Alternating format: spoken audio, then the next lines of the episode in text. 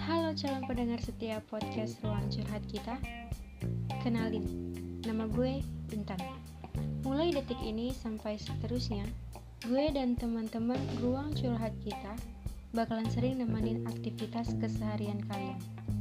Jadi jangan lupa untuk pantau terus podcast gue Dan jangan lupa juga untuk tetap jaga kesehatan semuanya Bye-bye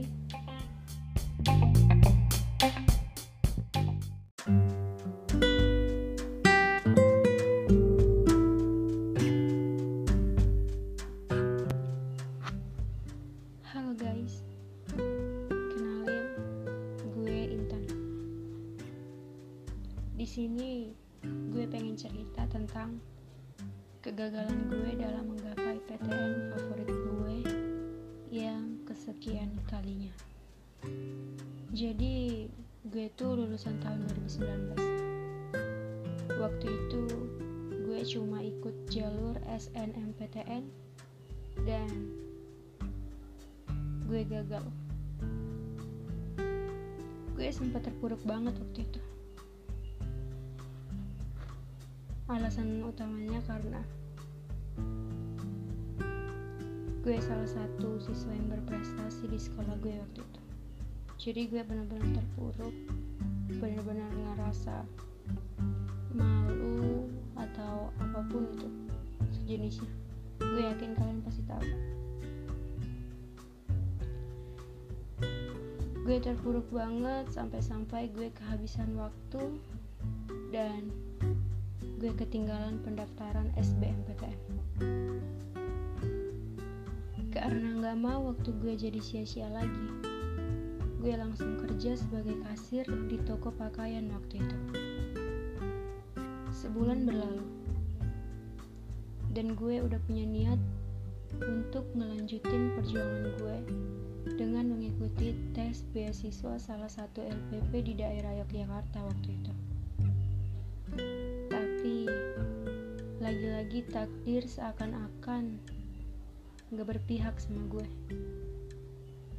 Masih mau nyiapin kelengkapan berkas aja, gue udah riwah banget. Gak dikasih izin sama bos, karena kasir gak boleh ditinggal. Sedangkan emang cuma gue sendiri yang bisa ngurus kelengkapan berkas itu karena prosesnya lumayan ribet harus bolak-balik ke sekolah harus tes kesehatan dan harus ke kantor bupati juga kalau nggak salah ingat. Tapi tetap gue nggak pernah dapet izin. Ya gue maklum banget. Karena emang kasih resikonya besar. Jadi ya udah gue terima nasib aja. Deadline pendaftaran udah hampir habis dan gue masih tetap stay di kerjaan gue. Alhasil gue nggak jadi ikut tes beasiswa LPP itu bro bayangin gimana sedihnya gue waktu itu bulan 9 awal akhirnya gue mutusin buat merantau ke Jakarta biar lebih dekat dengan universitas impian gue.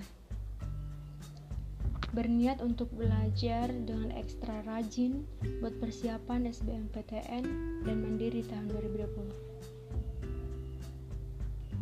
Berbulan-bulan gue lalui dengan suasana yang membosankan. Sampai tiba waktu ujian SBMPTN di tanggal 22 Juli 2020. gue hadapi waktu itu dengan penuh semangat dan penuh harap. Alhamdulillah, gue dapat teman suportif di lokasi ujian. Baik banget.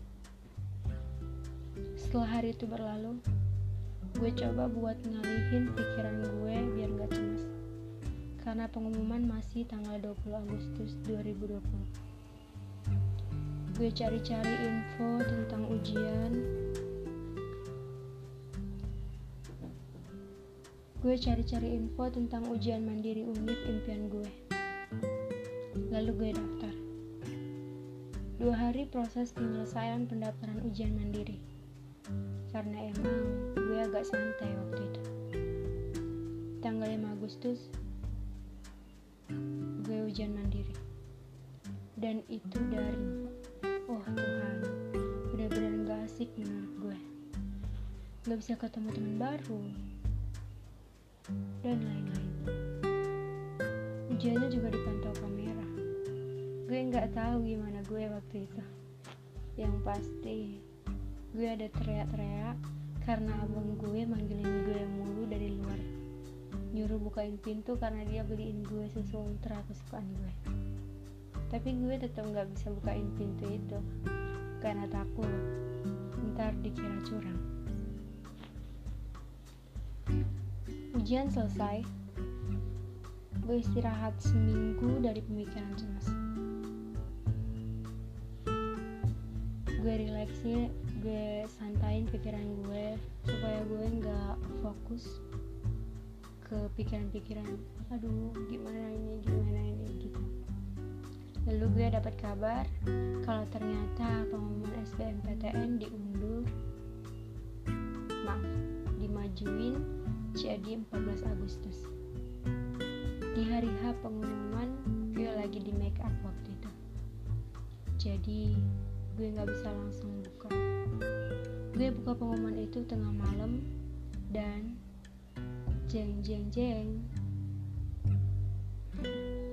Gue ditolak boy. Sakit banget. Ya gue gagal lagi. Alhamdulillahnya sih gue nggak nangis. Gue yakin ini berkat doa ibu gue yang minta ke Tuhan supaya gue selalu jadi anak yang kuat. Waktu berlalu dan tiba pengumuman ujian mandiri di tanggal 22 Agustus. Lalu apa lagi yang gue dapet? Ya apalagi kalau bukan kata gagal? Apalagi kalau bukan kata semangat? Yes seperti yang kalian duga. Gue ditolak lagi. Lagi. Dan lagi tapi gue tetap alhamdulillah bersyukur. Gue nggak nangis juga. Sakit banget tapi gue bener-bener nggak bisa nangis. Gue juga nggak tahu kenapa. Yang dalam pikiran gue waktu itu cuma nggak apa-apa nggak rezeki. Pokoknya kata-kata yang buat hati gue ikhlas. Dan gue alih dan gue alihin rasa sakit itu dengan memberi motivasi ke teman lain yang gagal juga. Gue ngelakuin itu demi mental gue sendiri men. Bukan karena caper biar di, biar diakui kuat. Sekarang di bulan September ini gue udah satu tahun di Jakarta. Dan gue masih belum punya pencapaian apa-apa. Jujur gue ngerasa nggak berguna. Ngerasa benar-benar nggak berguna banget dan gue juga ngerasa jadi beban banget. Bayangin satu tahun gue nggak ngapa-ngapain. Satu tahun gue cuma numpang hidup. Gak enak banget men rasanya. Tapi gue milih gak berhenti. Jari dan mata gue masih terus cari-cari peluang. Baik peluang kerja bisnis atau perguruan tinggi yang murah ya sampai saat ini niat gue buat ngelanjutin pendidikan masih belum padam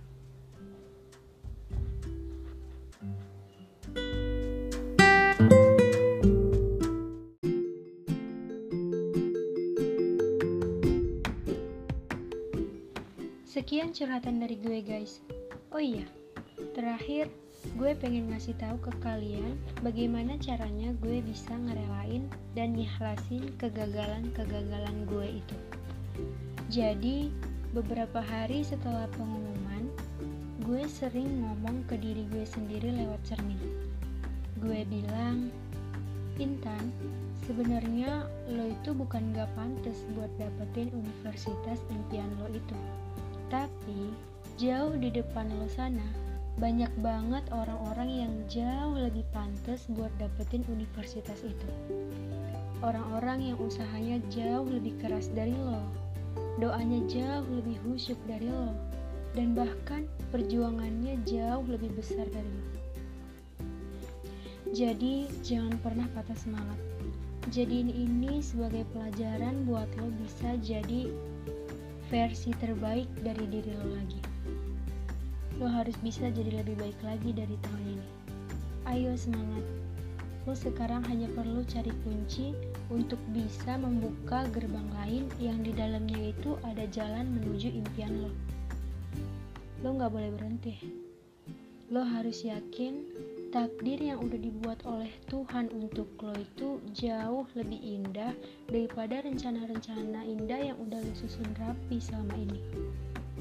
Oh iya, gue juga nggak pernah lupa guys untuk selalu berterima kasih sama diri gue sendiri. Karena menurut gue itu adalah poin paling penting dalam diri gue untuk bisa tetap menjaga kesehatan mental gue. Oke, jadi gitu guys. Makasih banyak karena udah dengerin curhatan gue dan mohon maaf kalau kepanjangan. Música